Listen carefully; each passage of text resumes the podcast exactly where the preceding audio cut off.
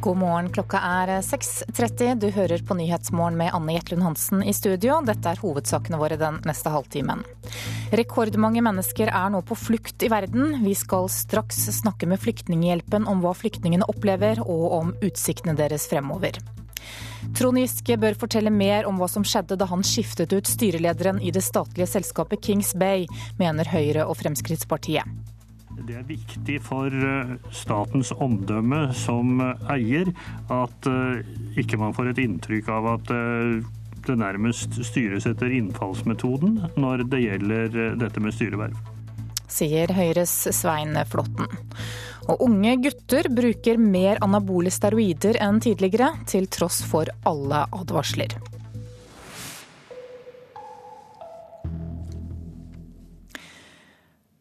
45 millioner mennesker er nå på flukt i verden, og dette er det høyeste tallet siden årtusenskiftet. Det viser tall som FN og Flyktninghjelpen legger frem i dag. Og kommunikasjonssjef Rolf Vestvik i Flyktninghjelpen, velkommen. Takk. Hva er det som gjør at så mange er på flukt i øyeblikket?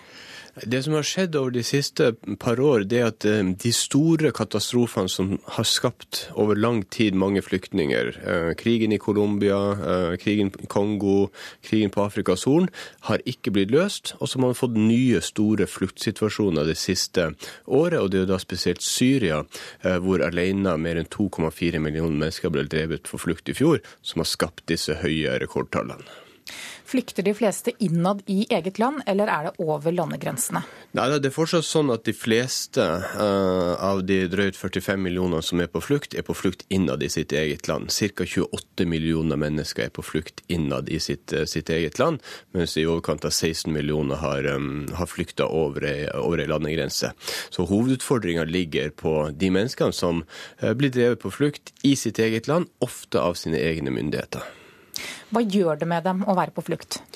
Det er en veldig vanskelig situasjon å være på flukt. Situasjonen er selvfølgelig noe forskjellig fra land til, um, fra land, til land, men i hovedsak så er det jo ofte en stor utrygghet, frykt for sitt eget, uh, for sitt eget liv. Og i fluktfasen så har man forskjellige utfordringer. Alt fra mangel på helt basale helsebehov, uh, mat, uh, tak over hodet, til utdanning for barn, som er jo et av de områdene som vi jobber mye med.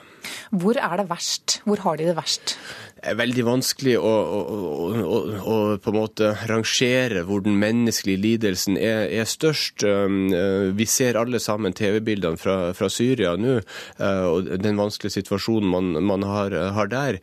Uh, et land som vi vil rette mye oppmerksomhet mot, er jo Kongo, som jo som konflikt på mange måter er større enn en Syria-konflikten, men som er en konflikt som vi dessverre altfor ofte glemmer. Klarer verden å ta seg av alle disse flyktningene? Nei, og det som jo vi er spesielt bekymra for, det er jo at um, mange av de aktørene som for noen år siden var viktige i hjelpearbeidet overfor uh, flyktninger, altså viktige land i Europa, opplever jo nå en finansiell krise og har rett og slett ikke midler til å sette inn i um, hjelpearbeid overfor for flyktninger. Så vi frykter at situasjonen for mange flyktninger kommer til å bli vanskeligere i åra som kommer dersom ikke land som Norge og andre land som fortsatt har en god økonomi, eh, stiller, eh, stille opp. Ja, hva må vi gjøre da? Ja, Norge må gjøre tre ting. Eh, for det første så må Norge fortsatt gi mye humanitær bistand til de flyktningkatastrofene som, som skjer. For det andre så må Norge fortsette sin innsats for fred. Det kom jo en gledelig avtale, eh, en nyhet i går om at Norge hadde bidratt til eh, dialog i, i Afghanistan. Det er veldig viktig. Og for det tredje så må et land som Norge også eh, være forberedt på å ta imot flere flyktninger i årene som kommer. Tallet i dag er altså rekordhøyt. Hva, hvilke tanker gjør det om fremtiden? Det finnes noen lyspunkt i verden. Uh, I Colombia, som er en av de største krisene når det gjelder internt fordrevne, så har man en god dialog mellom FARC-geriljaen og regjeringa. Der håper vi på, uh, på fred. Uh, Afrikas Horn har også vært positiv de siste, siste månedene, spesielt når det gjelder Somalia. Så det finnes enkelte skal vi si, øyer av håp rundt omkring i verden. Men de store trendene viser dessverre at antall flyktninger nok kommer til å gå opp i årene som kommer. Takk for at du kom til Nyhetsmorgen, kommunikasjonssjef Rolf Vestvik i Flyktninghjelpen. I Mali har forhandlinger mellom myndighetene og opprørsgrupper i nord ført frem til en våpenhvile. De to partene skrev i går under på avtalen som skal sørge for at Malis planlagte presidentvalg kan gjennomføres i juli. Nous qu'il y a un consensus international, un consensus Vi har blitt enige om det mest grunnleggende. Det er en internasjonal og malisk enighet rundt nøkkelpunkt som territoriell integritet, statlig ening og malisk suverenitet av hver eneste centimeter av dette territoriet, sier den maliske fredsforhandleren Tiabile Drame. Etter veker med forhandlinger kan han og andre maliere puste letta ut. Første hinderet på veien fram mot det planlagte presidentvalget i juli er forsert. Avtalen som i går ble signert i Burkina Fasos hovedstad Ouagadougou, vil føre til en umiddelbar våpenhvile mellom partene, og Malis kontroll over den nordligste regionen Kidal. Kidal-regionen har vært okkupert av opprørsgrupper helt siden uroen starta i januar i fjor, og det har vært viktig for maliske styresmakter å tilbakevinne kontrollen i regionen fortest mulig, slik at presidentvalget i juli kan gjennomføres som planlagt. Ja, det sa reporter Vegard Kjørom. Søkemotorselskapet Google går nå til retten for å få lov til å vise offentlig hva slags datatrafikk den amerikanske staten ber om å få overvåke. I forrige uke så ble det kjent at sikkerhetsmyndighetene i USA har direkte tilgang til informasjon fra mange av de store nettgigantene. Google har nå søkt en domstol om å få lov til å skille mellom henvendelser som gjelder kriminalitet, og de som gjelder overvåking. Gjennom nettsteder som Google, Facebook, Yahoo og Skype har amerikanske sikkerhetsmyndigheter overvåket millioner av mennesker. Nå vil Google ha domstolens hjelp for å få lov til å vise akkurat hvor mange ganger de har fått henvendelser fra staten som gjelder overvåking. Fra før av offentliggjøres det noe informasjon om dette, men det skiller ikke mellom henvendelsene som gjelder oppklaring av kriminalitet, eller om det gjelder ren overvåking. Google spurte 11.6 Justisdepartementet og FBI om lov, men fikk til svar at det vil være ulovlig. Likevel søker nå Google til en føderal domstol om å få lov til å gjøre dette. Electric Frontier Foundation har på en uke samlet inn over 215 000 underskrifter for å få Kongressen til å forby denne typen overvåking. Det sa reporter Ellen Borge Christoffersen. Næringsminister Trond Giske bør fortelle når Unni Steinsmo fikk tilbud om å bli styreleder i det statlige selskapet Kings Bay. Det mener Høyre og Fremskrittspartiet. NRK fortalte i går morges at Giske hadde planer om å utnevne en partikollega til styrevervet. Men dette ble brått endret, og nå ber opposisjonspartiene Giske fortelle hva som skjedde. Nå synes jeg faktisk at han bør gjøre det. Høyres Svein Flåtten. Det er ikke noe krav som vi kan komme med, men jeg vil gi en oppfordring til å vise mer åpenhet i denne saken. Og FrPs Harald Tom Nesvik i Stortingets næringskomité. I går tidlig meldte NRK at tidligere Ap-nestleder Hill Marta Solberg var tiltenkt jobben som styreleder for det statlige forskningsselskapet Kings Bay AS på Svalbard. Den sittende styrelederen skulle bli kasta, midt i en toårsperiode. Det ble han da også, i går, på generalforsamlinga der Næringsdepartementet har all makt. Men til styremedlemmene si overrasking var det et helt nytt navn som ble presentert som ny styreleder. Det ble ikke Hill-Marta Solberg, men Unni Steinsmo fra Sintef. Flere kilder NRK har snakka med, mener dette har blitt avklart i tolvte time, rett før generalforsamlinga. Fordi Næringsdepartementet forsto at det ville være uklokt å utnevne Giskes partikollega. Men Steinsmo vil ikke svare på når hun ble spurt om å bli styreleder. Hun sa dette i går. Jeg finner naturlig at eh, departementet får det spørsmålet, for jeg oppfatter at det er vanlig praksis at departementet håndterer spørsmål rundt prosess, og det respekterer jeg. Giske svarte slik. Nei, Det har vi ikke noen kommentar til hvordan eh, vi jobber i departementet og når de ulike innstillingene er ferdige. Men han bør fortelle, mener FrPs Harald Tom Nesvik. Det er jo det som er problemet. Jo mer låste dører og, fra, og foretrukne vinduer som du har, jo mer spekulasjoner får man jo i sånne prosesser. I en del situasjoner så er det naturlig å ikke ha en åpen prosess sånn sett, men jeg kan ikke tenke meg at dette skulle kunne være noe problem å, å fortelle mer om hva som har foregått og, og prosessen. Og Høyres Svein Flåtten mener det er interessant å vite når Unni Steinsmo ble spurt om styrelederjobben i Kings Bay. Det kan være interessant fordi at uh, det er en utnevnelse som skjer utenom uh, tur. Det har versert flere navn. Det bærer litt preg av uryddighet. Og det er viktig for statens omdømme som eier at ikke man får et inntrykk av at det nærmest styres etter innfallsmetoden når det gjelder dette med styreverv. Trond Giske og Næringsdepartementet vil ikke kommentere utspillet fra Høyre og Fremskrittspartiet, og sier til NRK at departementet aldri kommenterer slike interne prosesser. Reporter her, det var Håvard Grønli. Skal vi se hva avisene har på forsidene sine i dag. Krisen gir dem mer makt, er overskriften i Aftenposten. Det er snakk om sentralbanksjefene som har vært vel så avgjørende når det gjelder å håndtere finanskrisen, som de folkevalgte. Dagbladet forteller at ett av tre barn tar skade av å krangle med søsken. Kranglingen kan oppleves som like ille som mobbing, ifølge forskning. Sex og dop feller leger, skriver Stavanger Aftenblad. Over 200 leger har mistet lisensen siden 2004. Rusmisbruk og seksuell utnytting er de to viktigste årsakene. Bergens Tidende forteller historien om forretningsmannen Ivar Holmefjord som tapte 234 millioner kroner på to måneder. Årsaken er fall i lakseprisen. Helsetopper må gå, skriver Adresseavisen. En enhetsleder i Trondheim har sagt opp, og ytterligere to er fratatt lederstillingene sine i kjølvannet av avsløringer om sponset reisevirksomhet og privat bruk av kommunens kjøretøy. Klassekampen skriver at Miljøpartiet De Grønne øker oppslutningen, og ligger nå an til å få sitt første stortingsmandat noensinne. Nasjonen forteller at salget av svinekjøtt har sunket med 1600 tonn hittil i år, sammenlignet med samme periode i fjor. Prisene til bøndene presses ned og kjøttlagrene vokser, og på fredag skal næringen samles for å finne ut hva de skal gjøre med dette her. Dagens Næringsliv forteller at en gondolbane og 2000 nye sengeplasser er noen av planene investorene har for gigantanlegget Kragerø resort. Ordføreren i kommunen jubler over planene, mens Petter Stordalen, han ler. VG gir deg alt du må vite om din boligfremtid i dag.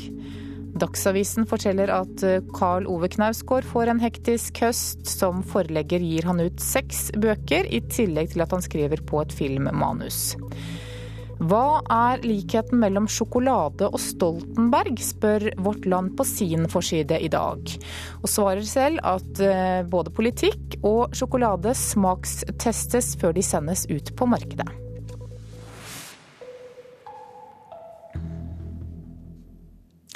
Bruken av anabole steroider blant eh, unge gutter øker til tross for alle advarsler. Det sier Antidoping Norge. Kilder i miljøet NRK har snakket med, sier at unge gutter helt ned i 13-årsalderen har brukt anabole steroider. Og både politiet og Antidoping Norge frykter for konsekvensene. Vi har inntrykk av at det er en større og større omsetning, og stadig flere som velger å bruke anabole steroider. Det sier leder for Antidoping Norge, Anders Solheim. Sommeren har allerede kommet, og i landets treningsstudioer finpusses kroppen før strandsesongen skyter i gang for fullt. Men ifølge Antidoping Norge er det stadig flere som jukser seg til drømmekroppen. Jeg tror fellesnevneren er at det kombineres med styrketrening.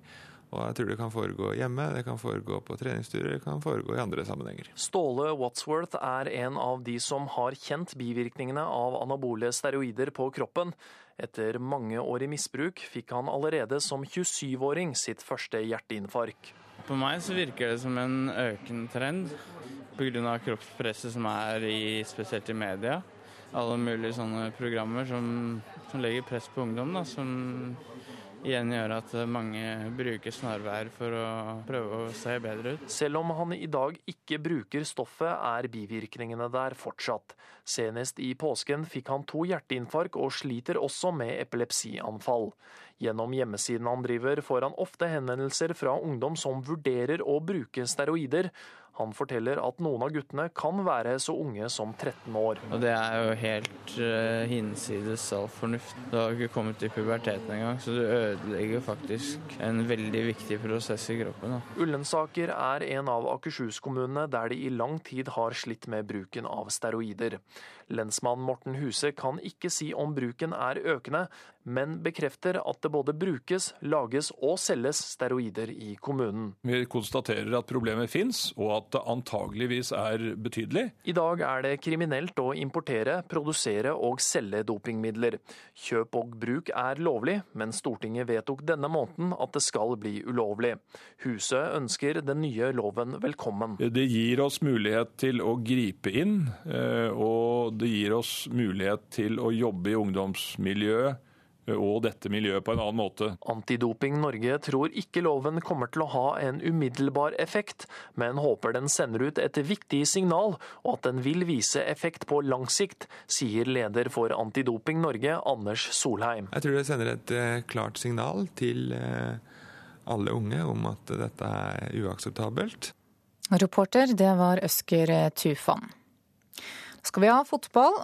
Målvakt i Tromsø, Benny Lekstrøm, vil bort fra klubben dersom han ikke får mer spilletid. Men sportssjef Svein Morten Johansen vil ikke love noe som helst.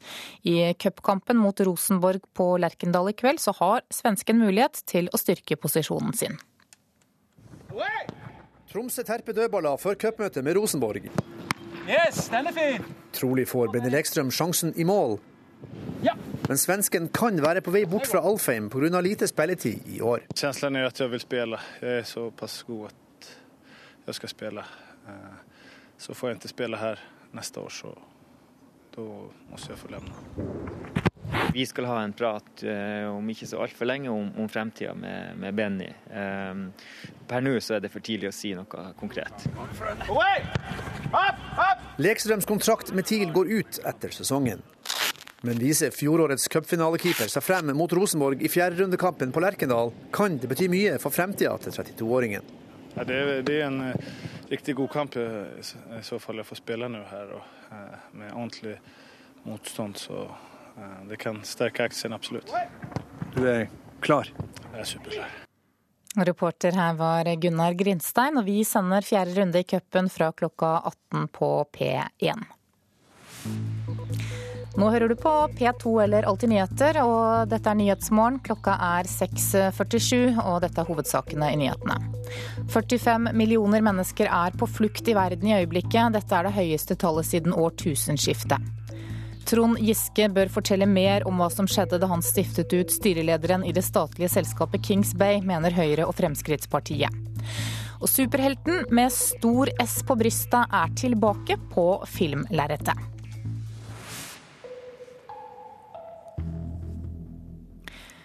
Men aller først skal vi høre at eh, flere melder fra om overgrep mot barn. De siste fem årene så har det vært en økning på 14% i antall overgrepssaker som dreier seg om barn under 16 år, viser tall fra Politidirektoratet. I dag fortsetter rettssaken i Salten tingrett, der en far er tiltalt for gjentatte overgrep mot sin egen datter. Det er ei alvorlig stemning som preger retten, der en mann i 50-årene står tiltalt for seksuelle overgrep mot dattera si. Aktor Tor Eirik Høyskar sier saken har høy prioritet. Vi har en rekke vitner som vi skal avhøre. Dette er jo en, en sak som har en strafferamme fra minimumsstraff tre år opp til 21 års fengsel. Den tiltalte sier han er uskyldig, men påtalemyndigheten mener han forgrep seg på dattera si fra hun var åtte år gammel. Saken er et eksempel på en form for kriminalitet rettsvesenet stadig oftere må ta stilling til. For noen starta anmeldelsen på overgrepsmottaket i Bodø. Her har vi et skap, og der oppbevarer vi beslaglagt tøy og materiell som tar vare på under den rettsmedisinske undersøkelsen. I fjor fikk politiet inn over 1200 anmeldelser som dreide seg om seksuelle overgrep mot barn. Det er en 14% økning fra 2008. Den største økninga er knytta til aldersgruppa 14 til 16 år. Anne Mette Finsrud ved overgrepsmottaket i Bodø tror årsaken til det bl.a. kan skyldes at media dekker flere overgrepssaker. Jo mer fokus, jo mer blir man jo bevisst på det her, og at man ser at noen gjør noe med det, og kanskje får folk straffa for det de har gjort. Og Da får man også, tror jeg også man tenker litt igjennom hva det er man sjøl har vært utsatt for. Men til tross for økninga de siste årene, tror hun fortsatt at det er mange som sitter inne med vonde historier. Jeg tror det er en del mørketall. Det tror jeg absolutt. Ikke alle som klarer å ta den kampen. Reporter her var Sara Marie Bjelvin. En person er sendt til sykehus med alvorlige skader etter at det begynte å brenne i Galleri Oslo i morges. Brannvesenet sier nå at brannen er slukket. Bussterminalen som ligger i nærheten av Galleri Oslo har vært stengt, men er nå åpen igjen. En dronning kommer til Oslo i dag for å sette søkelys på økonomisk kriminalitet. Norge og finansminister Sigbjørn Johnsen er vertskap når en spesialstyrke i regi av FN og OECD skjerper kampen mot hvitvasking og skatteunndragelser. Det er en stor ære for oss å få besøk av eh, FNs generalsekretærs eh, spesialutsending på området. Dronning Maxima av Nederland, utdannet økonom og tidligere finansanalytiker, skal kaste glans over Sigbjørn Johnsen og konferansen til FATF. Organisasjonen forsøker å være en spydspiss i den internasjonale kampen mot økonomisk kriminalitet. Eh, jeg føler nå at det er en veldig drive internasjonalt for å jobbe med disse spørsmålene. Store kriminelle organisasjoner er særdeles kreative i å unndra skatt og hvitvaske penger. Johnsen sier veien til å stoppe dette er å straffe landene som ikke følger internasjonalt regelverk. Eh, og jeg vil, vil, på mange måter se at eh, i løpet av det siste året så har det skjedd en, eh, en slags Den har løsna veldig på området som dreier seg om skatteunndragelse, informasjonsutveksling. Sørge for å få på plass skatteavtaler som gjør at det blir færre plasser å gjemme seg for de som vil unngå skattemyndighetenes kritiske blikk. Det skal bli vanskeligere å flytte svarte penger over grensene, sier Bjørn Skogstad Aamodt, tidligere direktør i Finanstilsynet og for tiden president i spesialstyrken FATF. Riset bak speilet er at eh, landene får en offentlig kritisk rapport. Banker i andre land ser at systemene er dårlige og kritiske. Det blir en risikopremie for å gi lån til sånne land de rapportene som vi lager, i det øyeblikk de offentlige, så virker de inn på de eh, vurderinger som blir gjort i det finansielle systemet i hele verden. Reportere her var Line Tomter og Johan Settem. Superhelter går aldri av moten, og skal også i sommer trekke det norske publikummet inn i kinosalene. Den nye Supermann-filmen Man of Steel har premiere i dag. Some, he was a guardian angel. Jeg tror det er et eller annet element av at uh, folk er veldig glad i de der fryktelig storslåtte kampene da, som, som gjerne superheltene kommer med. Og så er det jo selvsagt et slags sånt uh, Eh, syn på jorda utenfra. Spesielt sånn som er Supermann, som eh, er ikke noe ringere enn et eh, romvesen. Det er klart, det, det hjelper jo litt. Andreas Oppsal er filmanmelder i Filmpolitiet på NRK P3. Supermann er ute og flyr med den røde kappen igjen. Regissør Zack Snyder har holdt kortene tett til brystet, men vi vet at vi får bli med til planeten Krypton, og vi får vite mer om Clark Kents oppvekst. Henry Cavill har tatt på seg den ultramoderne Supermann-drakten denne gangen. Oppsal gleder seg til filmen. Og Det er nok knytta store forventninger til han. Det er jo Supermann og Batman som er de, de to store. Så det er absolutt en, en, mange historier der som, som folk eh, har lyst til å se på lerretet. Så får jeg nå da se. Filmen har allerede satt publikumsrekord i USA og tjente forrige helg inn 715 millioner kroner. Også her hjemme er det forventet at superhelten skal trekke det norske folk inn i kinosalenes mørke. Batman-filmen Dark Knight Rises ble sett av mange nordmenn i fjor sommer, og det forventes at Supermann skal bli blant de mest besøkte filmene denne sommeren. Ifølge tall fra film og kino er superhelter veldig populære og trekker besøkstallene opp. Ellers er det jo storbudsjettsfilmer med mye action og mye, mye penger lagt inn i spesialeffektbudsjettet, og etter hvert så er jo det nesten et trekkplaster i seg sjøl. Her har vi Supermann-hyllene våre, så der finner du alt vi har av Supermann. På Outland i Oslo er reol på reol fylt av fargerike tegneserier. Innerst i lokalet viser Melina Edvardsen frem hyllene med den blå og røde superhelten på coveret. Supermann var jo en av de første superheltene som kom, Eh, så han er jo virkelig en av de gode, gamle, gamle kara. Jeg tenker Så lenge den er bedre enn den forrige, eh, det skal jo ikke så mye til, så er jo forventningene til superheltfilmer veldig høye.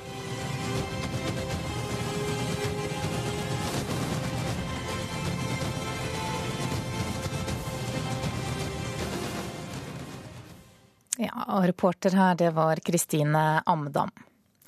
Det ble en folkefest uten like i Harstad i går. Byen fikk nemlig besøk av både det svenske og det norske kongeparet.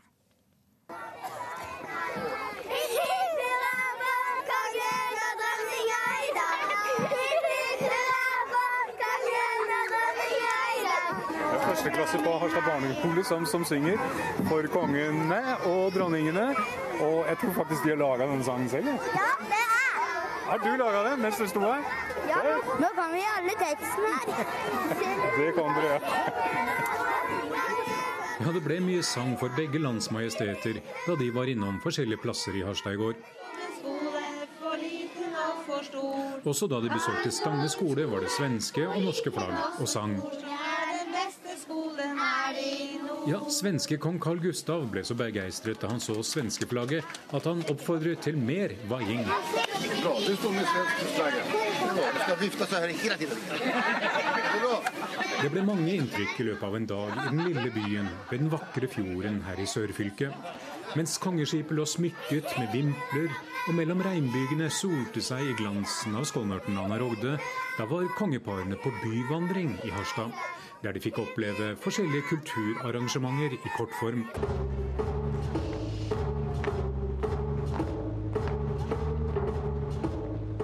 Og her står folk og, og bivåner det hele. Hva slags inntrykk har dere fått av dette kongebesøket?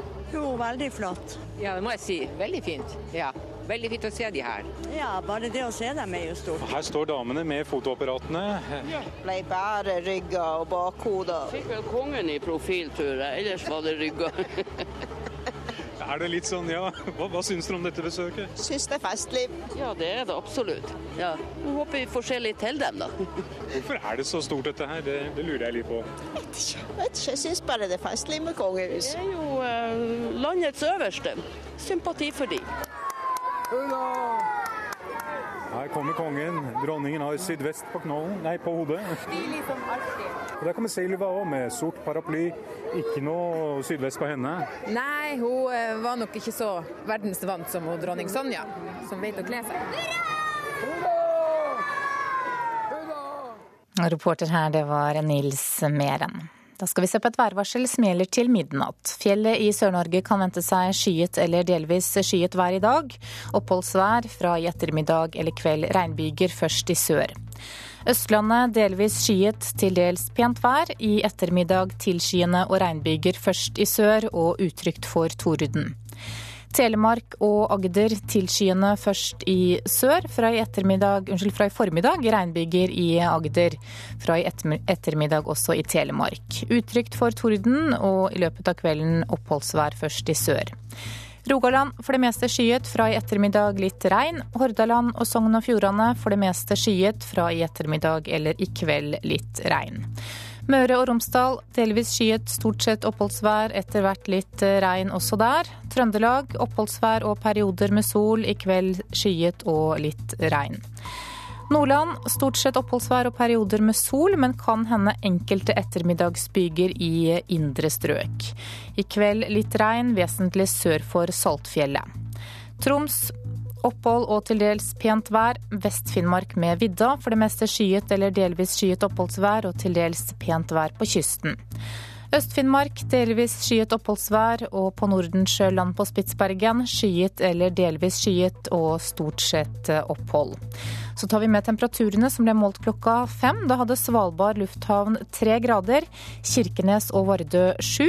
Alta 9, Tromsø 8, Bodø 9, Brønnøysund 12, Værnes 9, Molde og Bergen 11, Stavanger og Kristiansand 12, Gardermoen 11, Lillehammer 13, Røros 6 og Oslo-Blindern hadde 13 grader klokka fem i morges.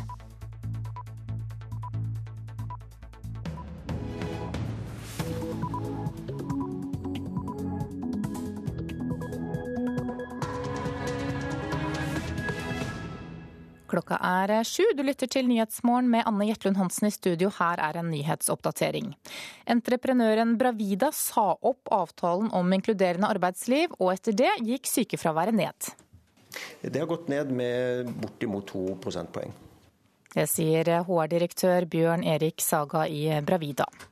Norske sykehus bruker barn som tolker for sine foreldre. Det er farlig å ikke bruke profesjonell tolk, advarer pasientombudet i Akershus. Min erfaring er at dette er et stort problem, og det er et økende problem. Bruker man ikke tolk, så utsetter man også pasientene for fare. Tallet på flyktninger i verden øker, og Flyktninghjelpen frykter at det bare blir verre. Bruken av anabole steroider blant unge gutter øker. Lederen i Antidoping Norge er bekymret. Vi har inntrykk av at det er en større og større omsetning, og stadig flere som velger å bruke anabole steroider. Og Trond Giske bør fortelle mer om hva som skjedde da han byttet ut styrelederen i Kings Bay. Det mener både Høyre og Fremskrittspartiet. Aller først nå skal vi høre at teknikkentreprenøren Bravida kuttet ut avtalen om inkluderende arbeidsliv og senket sykefraværet med to prosentpoeng. Selskapet tror hemmeligheten rett og slett er å se den enkelte medarbeider bedre. På det nye sykehuset Østfold går det unna når elektriske kabler, ventilasjon og rør rulles ut kilometer etter kilometer.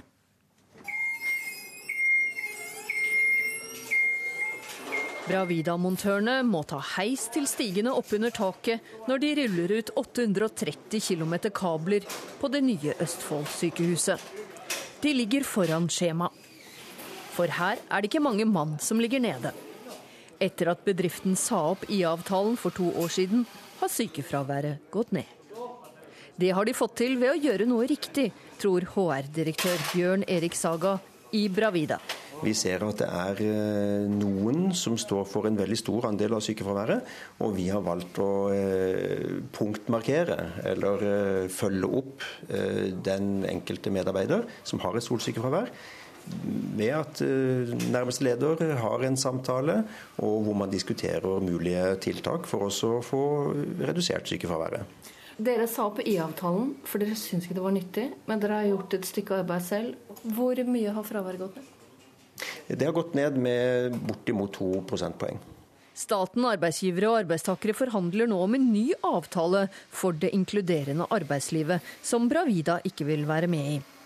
Regiondirektør Tore Bakke sier det er viktig at de også fokuserer på det en kan gjøre noe med. Grunnen til at vi er veldig veldig opptatt av det med sykefravær, det er at vi skal ha folka våre på jobb. Og vi som er en bedrift som lever en produksjon, da er det menneskene som står for inntjeningen.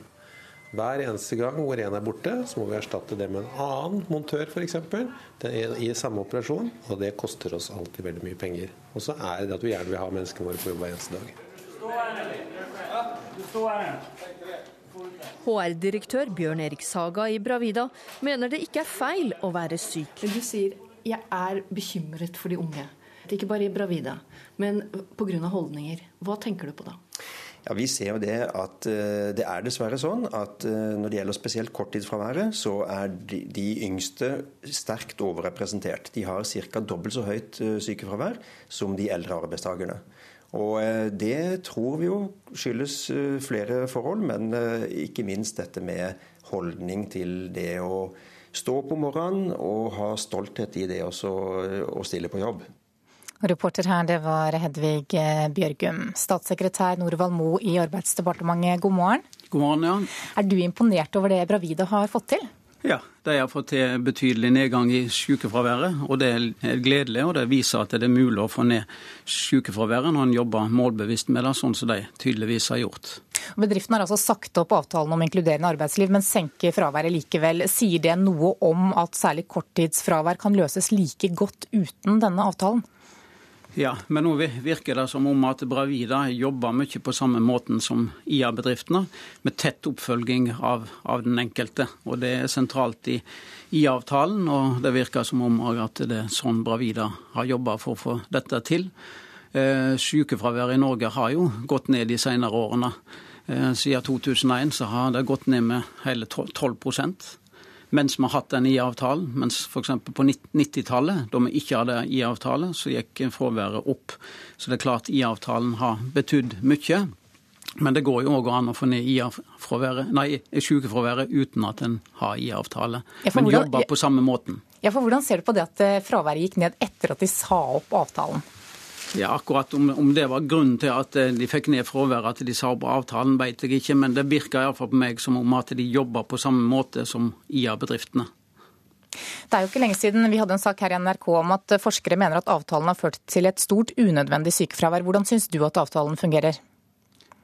Ja, avtalen, De mente vel ikke at avtalen har ført til, til et uh, stort fravær, men det de pekte på, det var at mange mente at det var for mye byråkrati, for mye skjemavelde og rapportering. Og nå, men nå skal nå gå inn i drøfting om en ny IA-avtale, så vil vi særlig se på dette her.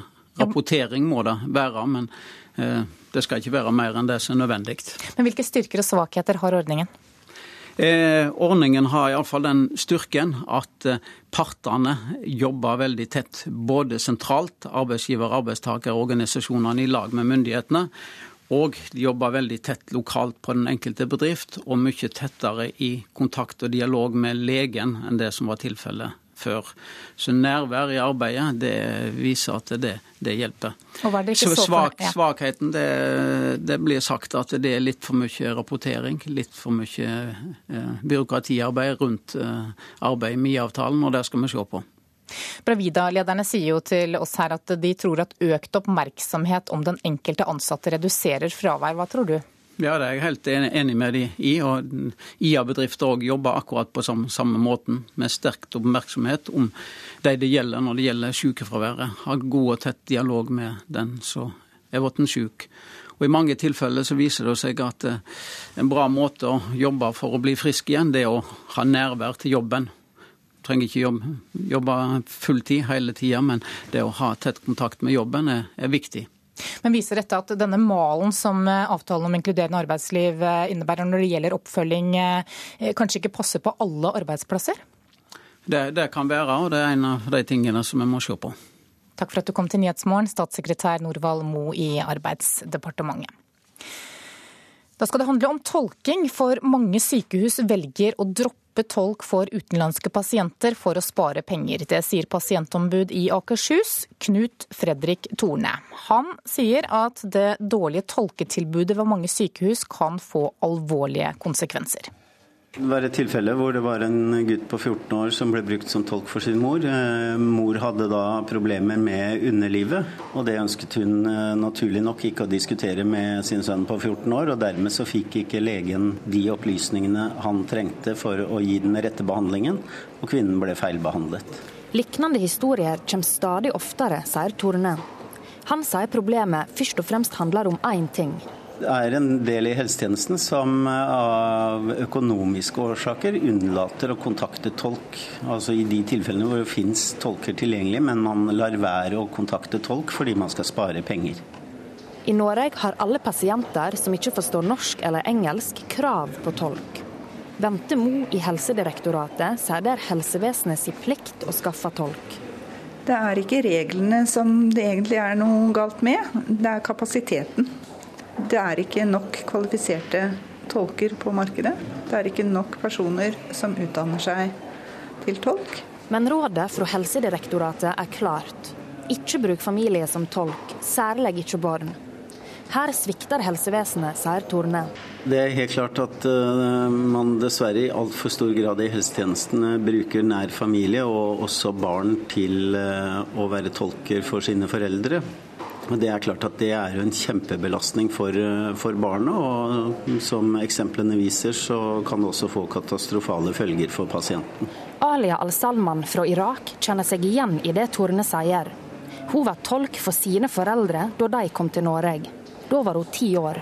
Når jeg ser tilbake på det, så er det ikke alltid like ålreit i forskjellige sammenhenger å vite ting som jeg hadde fint klart meg uten å vite. Og så det ansvaret. Altså, du får et ansvar på skuldrene dine om å gjøre ting riktig, eh, uten at du egentlig har noe som helst kompetanse for det. Min erfaring er at dette er et stort problem, og det er et økende problem. Bruker man ikke tolk, så utsetter man også pasientene for fare. Det sa Knut Fredrik Torne til reporter Adal Heidur Oldeide. Leder i Tolkebyråenes bransjeforening, Rikard Engen, velkommen til Nyhetsmorgen. Takk. Dine medlemsbedrifter tilbyr tolking bl.a. til norske sykehus. Hvor utbredt er det at slektninger blir brukt som tolk? Ja, Nå finnes det vel ingen uh, offisiell statistikk som viser omfanget av denne problemstillinga i uh, sykehussektoren. Uh, men jeg kan si det slik at mine medlemsbedrifter opplever daglig at vi får avbestillinger fra sykehuset som en konsekvens av at de har funnet en løsning der og da. Og dette er selvsagt også for å spare penger. Ja, Hva slags grunn oppgir de når, de, når tolken avbestilles? Nå skal være forsiktig med å kategorisere disse tingene, men eh, et eksempel på det kan være at uh, konsultasjon defineres å være av det enklere slaget, og at, uh, at det oppleves at det er ikke nødvendig med så mye kommunikasjon. Så sykehuset velger heller andre typer løsninger enn å bruke en profesjonell tolk? Sykehuset velger andre løsninger. Samtidig så hører vi Helsedirektoratet her som sier at det ikke finnes nok kvalifiserte tolker. Hvor mange flere tolker trengs det da for å dekke behovet? Ja, la meg si det slik at eh, For det første så er det sånn at uh, tolk er jo ikke en lovbeskytta tittel i Norge i dag. Det betyr at uh, hvem som helst i utgangspunktet skal kalle seg for en tolk. Men man har et system med en eh, portal der man har registrert tolker som har en såkalt offentlig godkjent autorisasjon eller utdanning. Og der er det ca. 1100 tolker som er registrert. Det betyr ikke nødvendigvis at alle er på tilbudssida i markedet i dag, men de er registrert i denne portalen. I tillegg så eh, vet vi at våre medlemsbedrifter har eh, over 2000 tolker i tillegg eh, som dekker behovet, spesielt innenfor helse- og omsorgssektoren i dag. Og Vi er jo veldig opptatt av at disse tolkene skal bli kvalifisert og få en autorisasjon, slik at de eh, også kan bli en del av eh, si, den offentlige godkjenningsordninga. Hvorfor skjer ikke det? Eh, det er et veldig godt spørsmål. Eh, som sagt, eh, dette tallet på 2000 Eh, som i dag faktisk tolker i offentlig sektor, og som ikke har denne utdannelsen, stemmer dårlig overens når vi ser at eh, fagmyndigheter og offentlige utdanningsinstitusjoner som utdanner tolker, tilbyr en, en plass mellom 100 og 200 plasser i året. Eh, her er det et mangel på samarbeid hva vi skal si, mellom bransjen som tilbyr tolker, og dem som er ansvarlig for utdanningen. Jeg hører at du er enig med pasientombudet her i at sykehusene gjør dette for å spare penger. Hva syns du om det? Nei, Det er selvfølgelig etisk helt uh, uforsvarlig. Uh, nå er jo Spørsmålet om dette er en besparelse kan jo også diskuteres, fordi at uh, man kan jo anta at en pasientbehandling kanskje tar lengre tid hvis man ikke får en korrekt kommunikasjon rundt årsak og fakta. Men du, eh, kort til slutt, Hvordan er bruken av tolker da på andre arenaer? Blir det også brukt familiemedlemmer eh, f.eks. For i forhold til offentlige kontorer eller rettsvesenet, eller er helsetjenesten i en særstilling? Nei, på ingen måte. Eh, jeg mener at det er Altså det finnes rapporter som viser omfanget av dette i primærhelsetjenesten og i fastlegeordninga. Eh, undersøkelser har vel visst tidligere at i Nav eh, er så mye som én av fem si, konsultasjoner foretas altså med, med, personer i nære relasjoner. Så dette er et stort problem, og det er økende i forbindelse med at stadig flere trenger tolk for å få tilgang til de tjenestene de har krav på. Takk for at du kom til Nyhetsmorgen, leder i Tolkebyråenes bransjeforening, Rikard Engen. Opposisjonspartiene på Stortinget ber næringsministeren være åpen om hvorfor en kvinnelig Sintef-leder i går fikk tilbud om å bli styreleder i det statlige forskningsselskapet Kings Bay. Høyre og Fremskrittspartiet mistenker at Giske spurte en annen kvinne enn han først hadde tenkt, etter at han forsto at det ville føre til bråk å utnevne en partikollega. NRK fortalte nemlig i går at Giske hadde tenkt å utnevne Hill Marta Solberg til styrevervet. Så ble dette brått endret, og Unni Steinsmo fra Sintef fikk eh, jobben. Giske bør fortelle hvordan prosessen var, det mener FrPs Harald Tom Nesvik. Det er ikke noe krav som vi kan komme med, men jeg vil gi en oppfordring til å vise mer åpenhet i denne saken. Og Høyres Svein Flåtten mener det er interessant å vite når Unni Steinsmo ble spurt om styrelederjobben i Kings Bay han bør fortelle? Ja, slik som saken har utviklet seg, så mener jeg at han bør eh, gjøre det. Dette er ikke noe han uh, må, men uh, det er så mange spørsmålstegn som har dukket opp her, og det ser ut som han kan ha snublet litt i inngangen til dette. Så nå synes jeg faktisk at han bør gjøre det. Og Trond Giske vil ikke kommentere utspillet. Reporter her, det var Håvard Grønli. Klokka er 7.15. Du hører på Nyhetsmorgen. Dette er hovedsaker i dag. Entreprenøren Bravida kvittet seg med avtalen om inkluderende arbeidsliv, og dermed gikk sykefraværet ned. Det er helsefarlig for fremmedspråklige pasienter når barna deres må være tolker på norske sykehus, advarer pasientombud. Og USAs president Barack Obama er på sitt første tysklandsbesøk etter at han ble president. Og det er store forventninger til talen hans ved Brandenburger Tor i ettermiddag.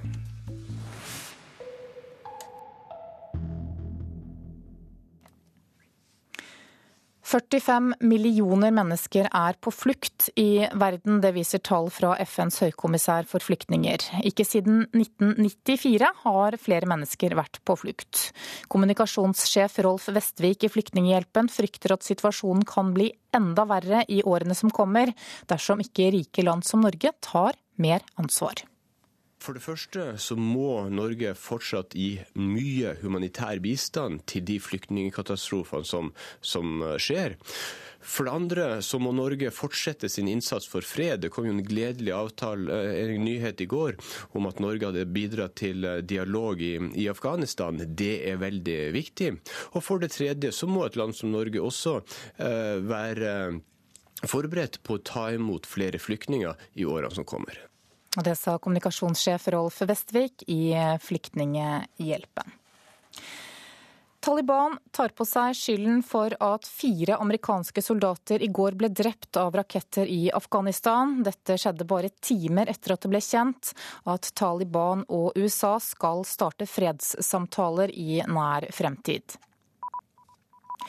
I Mali har myndighetene blitt enige med opprørsgruppen MNLA om en våpenhvile nord i landet. De siste ukene har partene forhandlet sammen i nabolandet Burkina Faso for å komme i havn med en avtale som sikrer fred i hele Mali, før det planlagte presidentvalget starter i juli.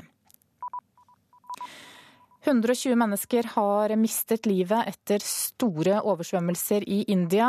Kraftig nedbør har ført til mange isolerte landsbyer, og flere hus, veier og broer er skylt bort eller tatt av jordras. USAs president Barack Obama kom i går kveld til Berlin, og i dag skal han møte forbundskansler Angela Merkel til politiske samtaler. Det er Obamas første tysklandsbesøk som president, og høydepunktet i programmet blir talen hans ved Brandenburger Tor i ettermiddag. Reporter Arnt Stefansen har sendt oss denne reportasjen fra Berlin. USAs president vil oppholde seg et drøyt døgn her i den tyske hovedstaden, og besøket skjer bare noen dager før 50-årsdagen for Obamas forgjenger John F. Kennedys berømte tale i Berlin. Jeg er En berliner, sa president Kennedy. En viktig erklæring om solidaritet med det innesperrede Vest-Berlin midt under den kalde krigen. Men Obama vil ikke prøve å sammenligne seg med Kennedy. Og det har da heller ingen hensikt, sier amerikanske Charles King Mallory, leder for det velrenommerte Aspen Institute i Berlin, og en kjent ekspert på forholdet mellom USA og Tyskland. Tidligere var Tyskland i sentrum for en konfrontasjon mellom to ideologiske systemer som sto på terskelen til konvensjonell og kjernefysisk krig. Vest-Berlin var truet av utslettelse, og derfor var det viktig med kraftfulle erklæringer fra byens viktigste allierte, USA.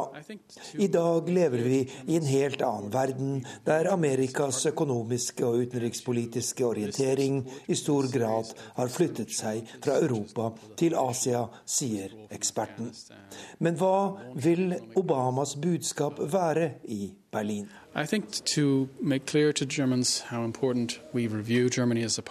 Jeg tror Obama vil fortelle tyskerne hvor viktig Tyskland er som partner for USA. Og han vil prøve å sikre deres støtte i forhold til en rekke utfordringer USA står overfor. Krigen i Syria, å hindre spredning av atomvåpen, tilbaketrekning fra Afghanistan og å overvinne den økonomiske krisa og skape vekst. En hovedsak under besøket blir den nye atlantiske frihandelsavtalen, som det nå er enighet om å forhandle frem, sier Mallory.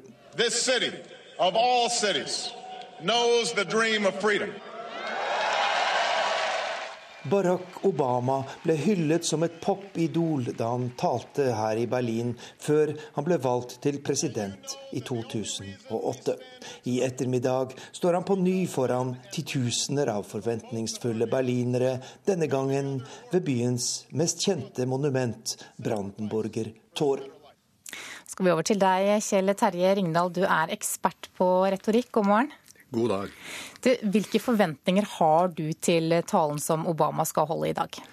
Når Barack Obama taler i Berlin, så er det alltid grunn til å spisse ørene, og det er alltid grunn til å glede seg. Så jeg har store forventninger. Jeg er veldig nysgjerrig eh, på hva han skal snakke om, for dette er jo et Eh, fantastisk. Dette er et ikonisk sted.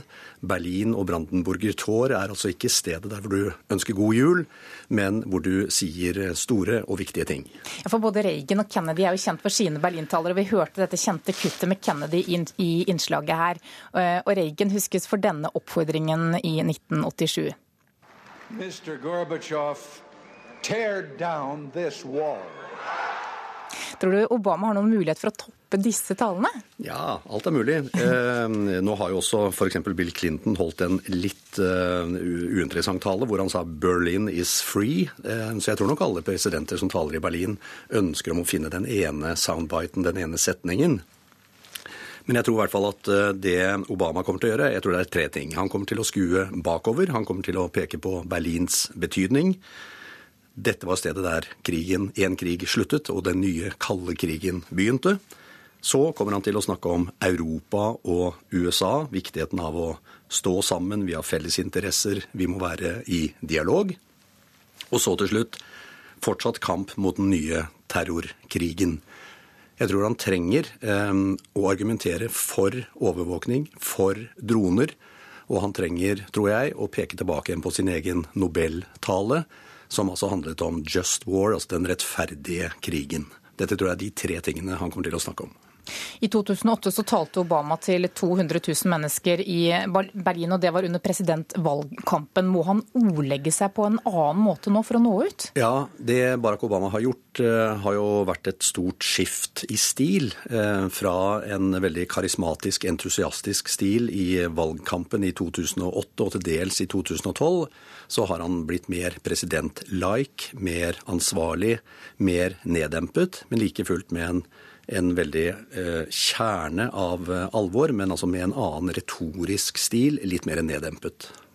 Du var litt innom det, men hvor lurt er det av ham å stille seg opp og tale ved nettopp Brandenburger Tor, der det hele tiden henvises til disse andre historiske talene til amerikanske presidenter? Ja, man må vite hva man gjør, eh, og at man altså ikke må forsøke å lage en dårlig kopi av det forgjengerne har gjort. Eh, men jeg tror likevel at dette er jo en av de store presidentene i historien. Jeg tror ikke han er spesielt bekymret for å holde en viktig og stor tale der i dag, i den situasjonen som både Europa, USA og verden står i. Hvor viktig blir Obamas tale for folk hjemme i USA?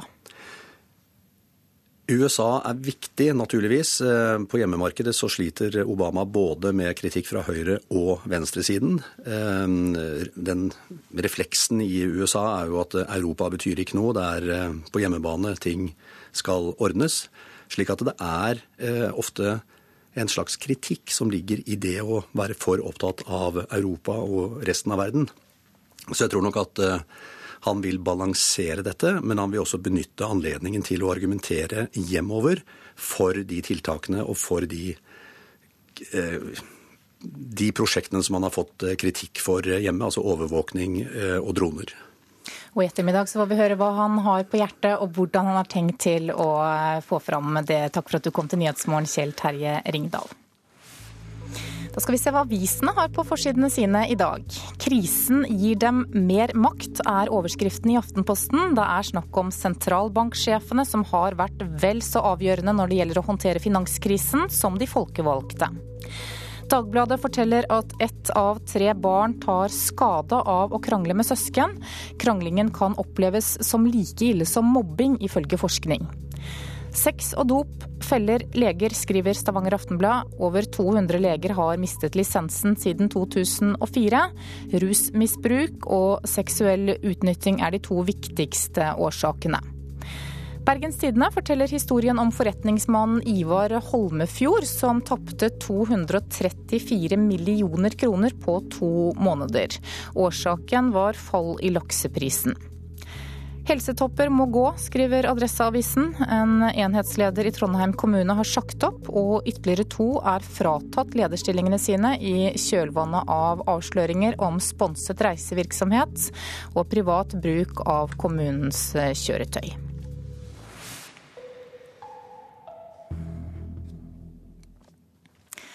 I Hellas fortsetter de ansatte i den nasjonale kringkasteren R1 kampen mot regjeringen etter at medieselskapet ble nedlagt av statsministeren i forrige uke. Få tror at en avgjørelse i Høyesterett på mandag som dømte nedleggelsen ulovlig, vil hindre statsministeren i å ta et oppgjør med det han mener er et pengesluk. I Aten jobber journalister og redaktører døgnet rundt for å holde TV-kanalene på lufta. På åttende dagen samlet demonstranter seg utenfor hovedkvarteret til den greske rikskringkasteren ERT i går kveld. Sent mandag kveld kjente gresk høyesterett statsminister Antonis Samaras avgjørelse fra forrige tirsdag om å stenge den 75 år gamle medieinstitusjonen ulovlig. Men få tror at kampen om statskanalen er over av den grunn. Inne i betongbastionen vandrer journalister, redaktører og teknikere rundt hvileløst. Men journalistene har overhodet ikke latt seg stoppe under den ukelange konflikten med statsministeren. We are uh, on air 24/7 uh, uh, for the last, uh, I, I think, uh, yes, one week. There isn't any name. There isn't any name. Programmet har ikke noe navn, forteller den smilende redaktøren Nikos Jonadis, der han sitter foran et tjuetalls TV-skjermer og roper beskjeder inn i mikrofonen til debattlederne i studio. Uh, what we are trying to do here is uh, to keep ERT open, to transmit a signal. Vi gjør ikke annet enn å debattere vår egen skjebne 24 timer i døgnet. Det er mildt sagt en uvanlig situasjon, sier Jonadis.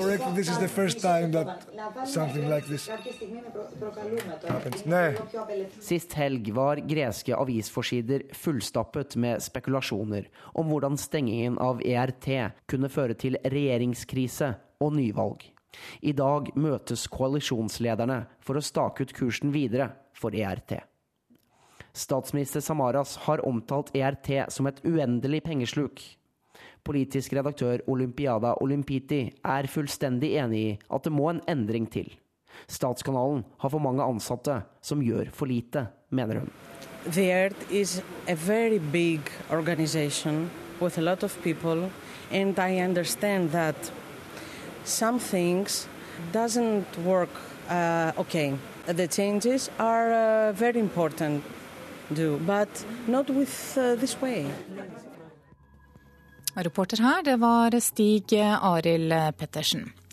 Du lytter til Nyhetsmorgen. Produsent i dag var Ulf Tannes Fjell, og her i studio Anne Jetlund Hansen.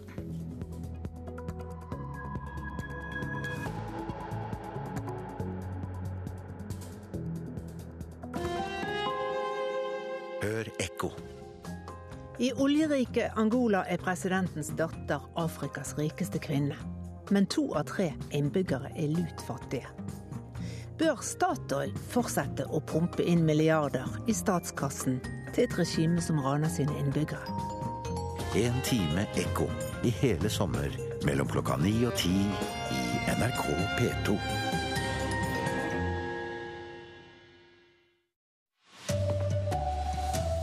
Entreprenøren Bravida sa opp IA-avtalen og fikk ned sykefraværet. Bruken av anabole steroider øker blant unge gutter. Trond Giske må fortelle når han snudde i Kings Bay-saken, krever opposisjonen. Her er NRK Dagsnytt klokken 7.30. Bedriften Bravida klarte å senke sykefraværet, men først etter at de hadde kuttet avtalen om et inkluderende arbeidsliv. Bravida driver med elektrisk installasjonsarbeid og har over 1700 ansatte. IA-avtalen er et av regjeringens viktigste verktøy for å redusere sykefraværet. Bravida-montørene må ta heis til stigene oppunder taket når de ruller ut 830 km kabler på det nye Østfold-sykehuset. De ligger foran skjema. For her er det ikke mange mann som ligger nede. Etter at bedriften sa opp IA-avtalen for to år siden, har sykefraværet gått ned. Det har de fått til ved å gjøre noe riktig, tror HR-direktør Bjørn Erik Saga i Bravida. Vi ser at det er eh, noen som står for en veldig stor andel av sykefraværet. Og vi har valgt å eh, punktmarkere, eller eh, følge opp, den enkelte medarbeider som har et stort sykefravær. Ved at nærmeste leder har en samtale, og hvor man diskuterer mulige tiltak for å få redusert sykefraværet.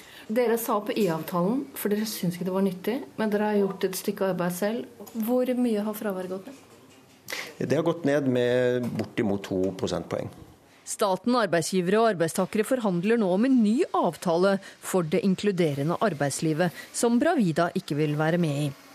Regiondirektør Tore Bakke sier det er viktig at de også fokuserer på det en kan gjøre noe med. De som virkelig er syke, da skal man prøve å tilrettelegge så langt det lar seg gjøre. Men det vi vil til livs, det er hvis man på en måte er borte, er syk to dager. Da skal man ikke være borte tre. Og der tror jeg det er mye å hente. Reporter Hedvig Bjørgum. Det virker som Bravida har jobbet på samme måte som IA-bedriftene for å få ned sykefraværet, sier statssekretær i Arbeidsdepartementet Norvald Moe. IA-bedrifter òg jobber akkurat på samme, samme, måten, med sterkt oppmerksomhet om de det gjelder når det gjelder sykefraværet. Har god og tett dialog med den som er blitt syk. Og I mange tilfeller så viser det seg at eh, en bra måte å jobbe for å bli frisk igjen, det er å ha nærvær til jobben. Trenger ikke jobbe, jobbe fulltid hele tida, men det å ha tett kontakt med jobben er, er viktig. Bruken av anabole steroider blant unge gutter øker, til tross for mange advarsler, sier Antidoping Norge. Flere ungdommer tyr til det prestasjonsfremmede middelet for å bygge idealkroppen. Kilder i miljøet sier unge gutter helt ned i 13-årsalderen har brukt anabole steroider. Vi har inntrykk av at det er en større og større omsetning, og stadig flere som velger å bruke anabole steroider. Ifølge Antidoping Norge er det stadig flere som jukser seg til drømmekroppen. Jeg tror fellesnevneren er at det kombineres med styrketrening. Og jeg tror det kan foregå hjemme, det kan foregå på treningsturer, det kan foregå i andre sammenhenger. Ståle Watsworth er en av de som har kjent bivirkningene av anabole steroider på kroppen.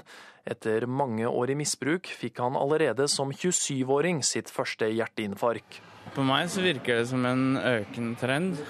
Pga. kroppspresset som er i, spesielt i media. Selv om han i dag ikke bruker stoffet, er bivirkningene der fortsatt. Gjennom hjemmesiden han driver, får han ofte henvendelser fra ungdom som vurderer å bruke steroider. Han forteller at noen av guttene kan være så unge som 13 år. Og det er jo helt uh, hinsides all fornuft. Du har ikke kommet til puberteten engang, så du ødelegger faktisk en veldig viktig prosess i kroppen. Da. I dag er det kriminelt å importere, produsere og selge dopingmidler. Kjøp og bruk er lovlig, men Stortinget vedtok denne måneden at det skal bli ulovlig. Jeg tror det sender et uh, klart signal til uh, alle unge om at dette er uakseptabelt. Reporter Øskur Tufan. Mistanken om at Trond Giske ville utnevne en partikollega til en viktig styrejobb, gjør at han må være åpen om prosessen. Det mener Høyre og Frp, som nå vil vite når avgjørelsen om å droppe Arbeiderpartipolitikeren Hill Marta Solberg som styreleder i Kings Bay ble tatt. Nå synes jeg faktisk at han bør gjøre det. Høyres Svein Flåtten. Jeg vil gi en oppfordring til å vise mer åpenhet i denne saken. Og FrPs Harald Tom Nesvik i Stortingets næringskomité. I går tidlig meldte NRK at tidligere Ap-nestleder Hill Marta Solberg var tiltenkt jobben som styreleder for det statlige forskningsselskapet Kings Bay AS på Svalbard. Den sittende styrelederen skulle bli kasta, midt i en toårsperiode. Det ble han da også, i går, på generalforsamlinga der Næringsdepartementet har all makt. Men til styremedlemmene si overrasking var det et helt nytt navn som ble presentert som ny styreleder. Det ble ikke Hill-Marta Solberg, men Unni Steinsmo fra Sintef. Trond Giske ville ikke svare på når Unni Steinsmo fikk spørsmål om å bli styreleder. Nei, Det har vi ikke noen kommentar til hvordan eh, vi jobber i departementet og når de ulike innstillingene er ferdige. Men han bør fortelle, mener FrPs Harald Tom Nesvik. Så vil jeg oppfordre statsråden om å vise åpenhet her. Nettopp av hensyn både til den nye styreformen og det styret som eh, har sittet der. Flere kilder NRK har snakka med, mener dette har blitt avklart i tolvte time. Og Høyres Svein Flåtten mener det er interessant å vite når Unni Steinsmo ble spurt om styrelederjobben i Kings Bay. Det kan være interessant fordi at det er en utnevnelse som skjer utenom uh, tur. Det har versert uh, flere navn. Det bærer litt preg av uryddighet. Trond Giske og Næringsdepartementet vil ikke kommentere utspillet fra Høyre og Fremskrittspartiet. Men det blir mer om denne saken i Politisk kvarter klokken kvart på åtte på P2. Reporter var Håvard Grønli. Taliban tar på seg skylden for at fire amerikanske soldater ble drept i Afghanistan i går. Dette skjer bare timer etter at det ble kjent at Taliban og USA skal starte fredssamtaler. De amerikanske Nato-soldatene ble drept av raketter som var rettet mot flybasen Bagram, 40 km nord for Kabul. Mange sykehus velger å kutte ut tolker for utenlandske pasienter for å spare penger. Det sier pasientombud i Akershus, Knut Fredrik Torne. Han sier mangelen på tolker ved mange sykehus kan få alvorlige følger. Det var et tilfelle hvor det var en gutt på 14 år som ble brukt som tolk for sin mor. Eh, mor hadde da problemer med underlivet, og det ønsket hun eh, naturlig nok ikke å diskutere med sin sønn på 14 år. og Dermed så fikk ikke legen de opplysningene han trengte for å gi den rette behandlingen, og kvinnen ble feilbehandlet. Lignende historier kommer stadig oftere, sier Torne. Han sier problemet først og fremst handler om én ting.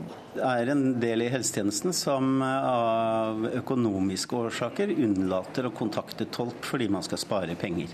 I Norge har alle pasienter som ikke forstår norsk eller engelsk, krav på tolk.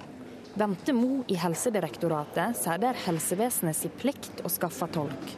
Det er ikke reglene som det egentlig er noe galt med, det er kapasiteten. Det er ikke nok kvalifiserte tolker på markedet. Det er ikke nok personer som utdanner seg til tolk. Alia al-Salman fra Irak var tolk for sine foreldre da de kom til Norge. Da var hun ti år. Hun sier hun forstår problemet med bruk av familie som tolk. Det ansvaret Altså, du får et ansvar på skuldrene dine om å gjøre ting riktig, eh, uten at du egentlig har noe som helst kompetanse for det. Min erfaring er at dette er et stort problem, og det er et økende problem. Bruker man ikke tolk, så utsetter man også pasientene for fare. Det sa pasientombudet i Akershus, Knut Fredrik Torne, til reporter Adal Heidur Oldeide. Det er sjokkerende at nesten alle nederlandske sykkelryttere var bloddopet på 90-tallet. Det sier et av Norges store håp i Frankrike rundt, Edvald Boasson Hagen. Heldigvis har det blitt ryddet opp i dopingkulturen, sier han. Nå er det mye bedre. Det er Den olympiske komité i Nederland som har foretatt denne spørreundersøkelsen, der 95% av rytterne innrømmet bloddoping på 90-tallet. Får håpe at det bare fortsetter sånn, at det blir mindre etter hvert. Norske ryttere på den tiden skjønte at noe var riv ruskende galt. Det sier TV 2s sykkelekspert Mats Kaggestad. Bjørn Stenersen og, og Lars Kristian Johnsen bl.a. som hadde sine to år som proffer, kom hjem og hadde ikke noe spesielt tro på, på, på, sykkelsporten etter de årene der. Edvald Boasson Hagen sier dopingkulturen er borte nå. Selv testes han opptil fire ganger i uka. Han skjønner ikke at noen lenger tar sjansen på å dope seg. Vi må bare trene og fokusere på å gjøre de riktige tinga og, og gjøre det på rent vis og fokusere på det. Reporter her var Pål Thomassen. Ansvarlig for Dagsnytt-sendingene denne morgenen er Anne Skårseth. Teknisk ansvarlig Per Ivar Nordahl. Skript Oda Holm Gulbrandsen. Jeg heter Ida Creed. Klokka er 7.40 eh, og Nyhetsmorgen fortsetter. I dag er det 50 år siden den første kvinnen i rommet landet trygt etter sin historiske ferd. Valentina Tereshkova ble øyeblikkelig helt i Sovjetunionen og et symbol for feminister over hele verden. Først mye senere fikk publikum vite at ferden var langt fra perfekt. Внимание! Говорит Моskva. Nok en propagandaseier til Sovjetunionen. Først en satellitt, Sputnik, så det første mennesket, Gagarin. Og nå denne junidagen 1963, den første kvinnen i rommet. Valentina Tereshkova.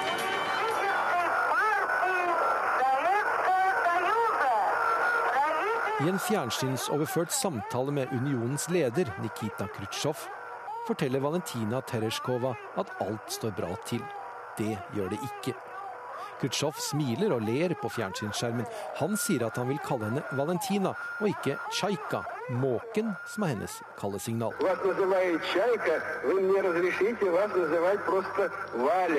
Kallesignalet Måken blir til en sang, en sang med mange vers, et av dem handler om Tereshkova og Gagarin. Og dette verset likte hun å synge selv. Vi hører henne fra en TV-opptreden i 1963. Gagarin sitter ved siden av henne i studio.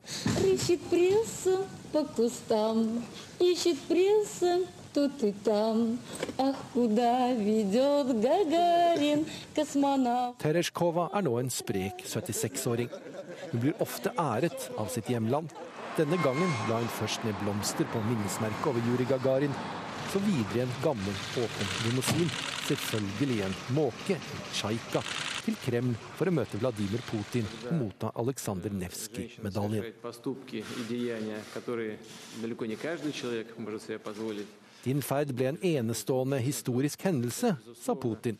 Vi er veldig glade for at en borger i vårt land, Sovjetunionen, ble den første kvinnelige romfarer.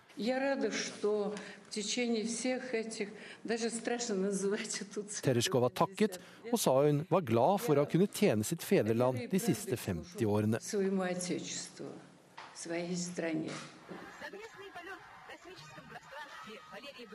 Og det har hun gjort, både Sovjetunionen og Russland. Hun ble sendt rundt omkring i verden som vennskapsambassadør. Hun har også gjort tjeneste som politiker, bl.a. i det øverste Sovjet. Og frem til nå i Dumaen. Og alt dette til den som ble regnet som den teknisk minst kvalifiserte i gruppen av kvinnelige kosmonauter.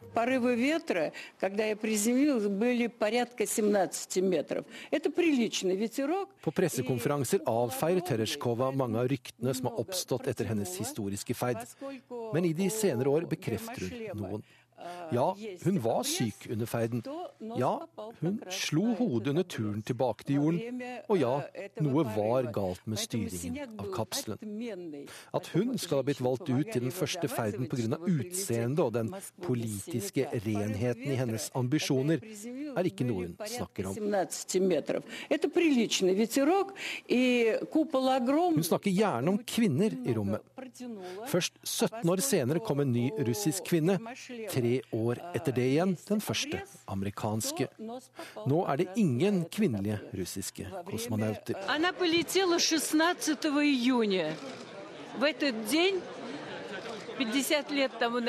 De kommer, de er under opplæring, sier Tereshkova. Og sender gratulasjoner til Kinas andre kvinnelige tsaikonaut, som akkurat nå er i bane over hodet ditt.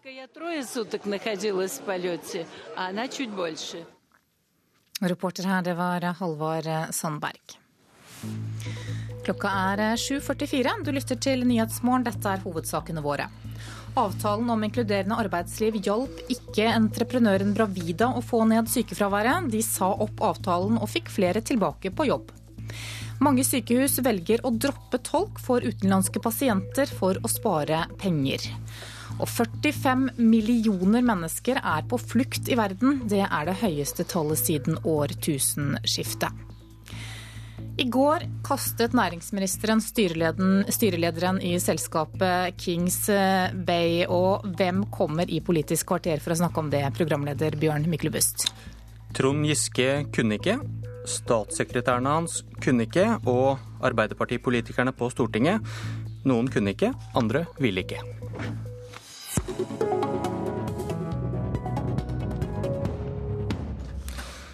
Arbeiderpartifri sending, altså. Men vi skal uansett snakke om Kings Bay. Det var ikke så vanskelig å få opposisjonen til å stille. Vi kunne fylt studio flere ganger. De heldige var Anders Anundsen, leder for Stortingets kontrollkomité, og Hans Olav Syversen, parlamentarisk leder i Kristelig Folkeparti. Velkommen. Takk for det.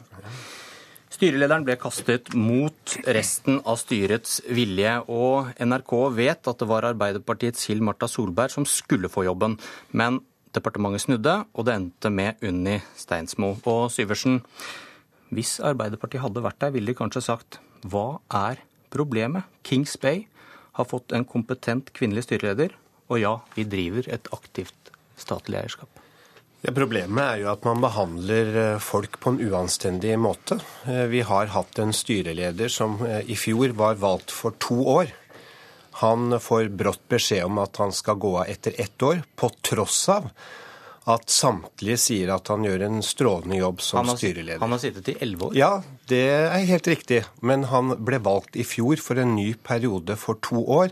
Så hvis det var tidsperioden som var problemet for Arbeiderpartiet, så fikk de heller eh, gjort det i fjor.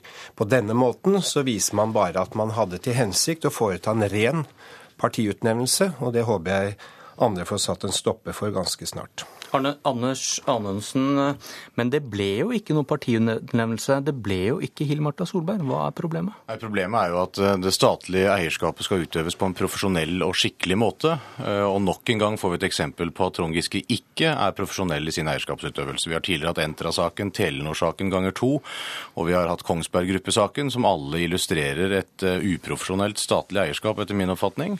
Og Fremskrittspartiet og resten av opposisjonen var ganske tøffe i kritikken da. Nå fortsetter Giske på samme linje. Han gjør som han vil og blåser i alle andre. Og det er veldig uheldig, fordi det bidrar til å svekke tilliten til det statlige eierskapet. Og staten er en stor eier både i Norge og i utlandet. Og når utenlandske investorer ser at staten som eier opptrer uprofesjonelt, så er det et problem for alle de selskapene som staten er eier i. Dette er ikke første gang vi sitter her og diskuterer Giskes aktive eierskap, som du er inne på. og dere har anklaget, og anklager ham for kameraderi. Men statsråder har blitt tvunget til å gå, men Giske sitter. Kanskje fordi dere ikke har så mye å fare med. Det som er utfordringen, er jo at Giske har rett rent formelt til å lukke alle dører og si at dette er interne prosesser i departementet. Det er jo først i kontrollhøringen vi hadde rundt disse tre sakene jeg nevnte, hvor vi fikk fakta på bordet. Da viste det seg jo at de spekulasjonene som hadde vært i media i forkant, var riktige. Du forteller det samme nå. Vi vet jo ikke det, annet enn at han nekter å, å, å si noe om det, hvilket er etter min oppfatning uheldig, fordi det også bidrar til å svekke tilliten til det eierskapet og profesjonaliteten. Og det, når du hører argumentene for årsaken til at en måtte bytte nå, nettopp det at vedkommende OA hadde sittet i elleve år, så er jo det et skinnargument. Han hadde sittet i ti år i fjor, da kunne de bytte han ut. Og han hadde sittet i tolv år til neste år, da kunne de bytte han ut på ordinær måte uten å endre vedtektene. Jeg tror, må, jeg tror også vi må skille mellom to forhold. Det ene er hva som er lovlig og ikke lovlig. Der er det klart. Eh, Giske har sitt på sitt tørre. Dette er et heleid statlig selskap. Han kan skalte og valte som han vil, men det er uanstendig. Man oppfører seg bare ikke på denne måten, og det er det som er et stort problem. Men kameraderi er kanskje bare borgerlig ordbruk Nei, for aktivt statlig eierskap, som dere er imot? Det vil jeg ikke si. Fordi eh, forholdet er vel helt klart med alle de kildene vi nå har, at hadde ikke NRK lekket at det var Hill Marta Solberg som skulle bli styreleder, så hadde hun vært det i dag. Men, men, men, så ble det problemer når dette da kom ut i offentligheten. Men, men et, et, annet, poeng her. I, I, Dagsnytt i dag så har vi da, som dere var inne på, hørt eh, krav om innsyn i prosessen. Frp vil vite når Steinsmo, som ble styreleder, fikk spørsmål om denne styrelederjobben. og Hvorfor er det viktig, Anundsen? Jeg syns det er viktig for å bedre tillitsforholdet til eh, prosessen i departementet. Det som skjer nå, er jo at alle dører eh, lukkes og skalkes, og vi ser en eh, næringsminister som forvalter eierskapet på, som om det var hans egen lommebok og hans egne penger og verdier han burde forvalte. Det er det ikke. Det er dine og mine verdier han forvalter. Han skal gjøre det på fellesskapets vegne. Og det å ha åpenhet rundt sånne prosesser som er såpass tøffe egentlig, i, hvor en får et tøft bilde i media hvordan en behandler folk som gjør en skikkelig innsats. Kanskje med det for øye å utnevne egne partikollegaer til verv før et eventuelt regjeringsskifte til høsten, det er ikke forsvarlig. Derfor syns jeg det ville vært klokt av Giske hvis han denne gangen turte å være litt mer åpen. Men da merker vi oss også at med en eventuell borgerlig regjering, så blir det innsyn i disse prosessene, disse interne prosessene, når man skal ansette nye styrer. Det tror jeg Eller... ikke nødvendigvis er riktig, men eh, poenget er, ja, hva skal vi... terskelen være, da? Nei, poenget er at vi vil ha et ryddig eierskap. Vi driver ikke og skalter og valter med fellesskapets verdier eh, på denne måten. Det han har gjort, er å endre vedtektene midt i et valgår fordi han mente styrelederen har eh, sittet for lenge. Det visste han for, år, for ett år siden, at den styrelederen om ett år har sittet i elleve år. Det er rett og slett uprofesjonelt. Med en ny regjering så får du et profesjonelt eierskap. Og dette har jo fått konsekvenser for styret allerede. Det er jo andre styremedlemmer som trekker seg i protest mot den måten styre, eh, styre er, styreleder er blitt oppnevnt på, og på den måten Giske har opptrådt på. Så jeg skjønner godt at det er ingen som eh, ønsker å sitte her fra Arbeiderpartiet, fordi dette smaker så altfor mye at noen har snakket sammen. Men her snakker vi ikke om Arbeiderpartiets indre sirkler, men vi snakker om hvordan man har håndtert et statlig eierskap. Men apropos profesjonelt og uprofesjonelt, Syversen.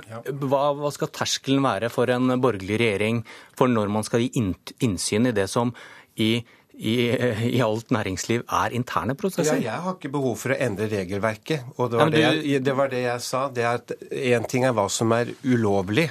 Den annen ting er hva som er uanstendig. Og jeg håper virkelig en borgerlig regjering vil opptre anstendig.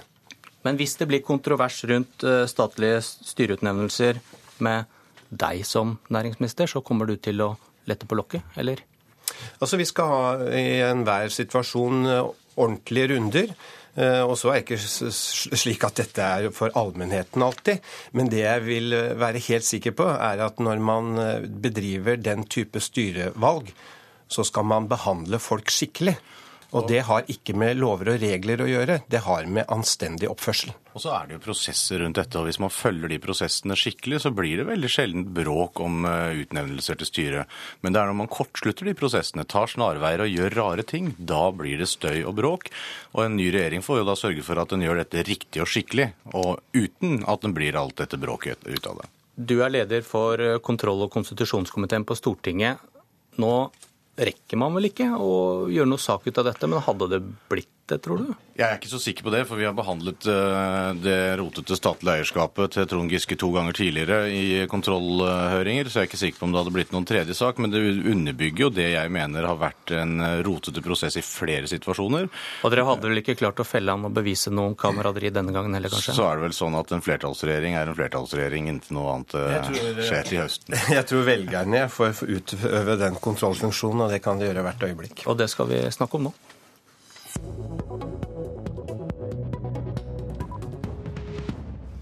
For velkommen Senterpartileder Liv Signe Navarsete. Takk for det. Har du avlyst sommerferien? Nei, Har ikke det. Eh, har du ikke veldig mye å gjøre? jo, jeg har mye å gjøre. Men eh, jeg tror det er viktig òg for en politiker på nasjonalt nivå å ta seg tid til familieliv og unger og barnebarn og foreldre, og ikke minst en ektemann som sier altfor lite. Så litt ferie må jeg ha. Vi skal snakke litt om det du trenger å gjøre før høsten kommer. I dag åpner du sommerens vakreste eventyr, der alle partilederne etter tur forteller historien om hvor flinke de har vært. Og du kan kanskje finne bevis i det Stortinget behandler denne uken. Senterpartiet har fått gjennomslag i jordbruksoppgjør, i Nasjonal transportplan, du får riste på hodet hvis jeg sier noe feil her, og i kommuneøkonomien.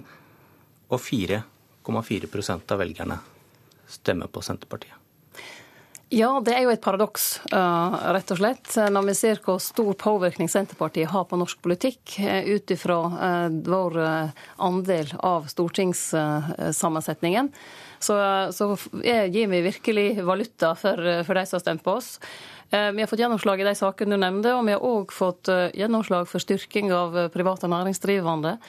Vi har en distriktsprofil som gjør at er deler av landet som størst vil merke et eventuelt regjeringsskifte, iallfall burde våkne og, og stemme Senterpartiet. Og det er jo vårt mål, at når vi kommer til 9.9, så skal de gjøre nettopp det. Men jeg, jeg så på da gjennomsnittet av disse målingene i går, og fra september i fjor så har dere da ligget mellom 4,3 og 4,8% oppslutning. Og spørsmålet blir jo Du er frustrert over at dere ikke får uttelling for eh, denne skrytelista du nevner her. Men hvordan vil du forklare det? Hva tror du det skyldes?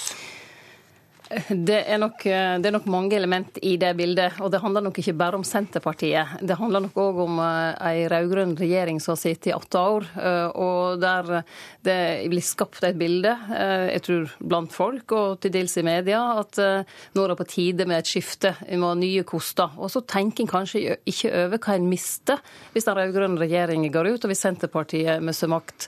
Da vil en jo møte et parti som står på for samferdsel, for mer matproduksjon for at kommunene skal kunne ha gode velferdstjenester. For når vi snakker om kommuneøkonomi, så er ikke det sikkert alle tenker over det, hvor viktig det er for folk sin hverdag. Men det er jo det som avgjør om vi skal ha gode barnehager, skoler, eldreomsorg. Eh, rett og slett de tjenestene som du og jeg bruker hver eneste dag. Så det er vår jobb fram til valget, ikke bare min, men hele partiet sin. Og vi har et stort apparat ute i kommunene og snakker med folk og forteller folk at det er ikke slik en får beholde alt det en har, og litt til. Litt skattelette og litt mer frihetsgrad i hist. En vil miste ganske mye. Men jeg har en alternativ forklaring. Skremmebildet av de blå stemmer ikke. Det vil nok uh, du kunne si, uh, og det vil kanskje andre mene. Men de får iallfall en helt annen retning på landet. Det blir andre verdier som blir styrende. Der vi er opptatt av fellesskap, vil de satse mer på privatisering, konkurranseutsetting. Og for Senterpartiet, som er opptatt Men velg, velgerne er tydeligvis ikke redd for det, da. Det, det, blir ikke bevegelse på målingen uansett hva du slår i bordet med. Ja. Om det er Nasjonal transportplan eller jordbruksoppgjør så ligger dere på 4,4% Ja, Nå får vi se hva meningsmåling er én ting, valg er noe annet. For Senterpartiet pleier det å være to veldig ulike ting. Eh, vi har en tendens til å gjøre bedre valg enn det meningsmålingene syner. Og vi har veldig gode ambisjoner på at vi skal gjøre det òg i september. Men det betinger en hard jobb framover. Og vi må samla sett i partiet virkelig jobbe nå eh, for å få det resultatet som vi ønsker oss, og som må være like bra som det vi hadde sist. Alle vil bruke penger på vei og bane, her er det overbud på overbud. Men når det gjelder jordbrukspolitikken, der er jo forskjellen stor på Liv Signe Navarsete og de blå partiene. Er det bøndene som skal redde Senterpartiet? Vi har en landbrukspolitikk som skiller oss veldig fra de fleste andre parti. Eh, for vi mener matproduksjon og det å ha kortreist norsk mat, det er viktig i Norge. Det er viktig i en beredskapssituasjon, det er viktig eh, i en global situasjon, og det er viktig for at landbruket er en av ryggradene, for å si det sånn, er en viktig ryggrad i det å opprettholde busettene. Altså det skal være liv og røre. Men ser, ser du at jordbruk kan være en viktigere sak enn NTP, for der er det vanskeligere og der er det mange om beina? mange, Vi skiller oss nok tydeligere i jordbrukspolitikken, men vi hadde ikke hatt den satsinga på samferdsel i dag hvis ikke det var for Senterpartiet. Og det kan jeg si helt tydelig, for jeg har sittet og vært med og forhandla fram to nasjonale transportplaner nå, sammen med Marit, selvfølgelig, som har hatt ansvar for den siste, eh, og vet at vi har vært driveren der òg. Senterpartiet er et parti som har politikk for alle områder.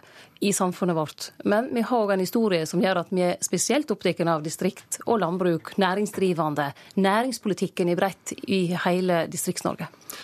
Hva skjer med Senterpartiet hvis det rød-grønne flertallet ryker?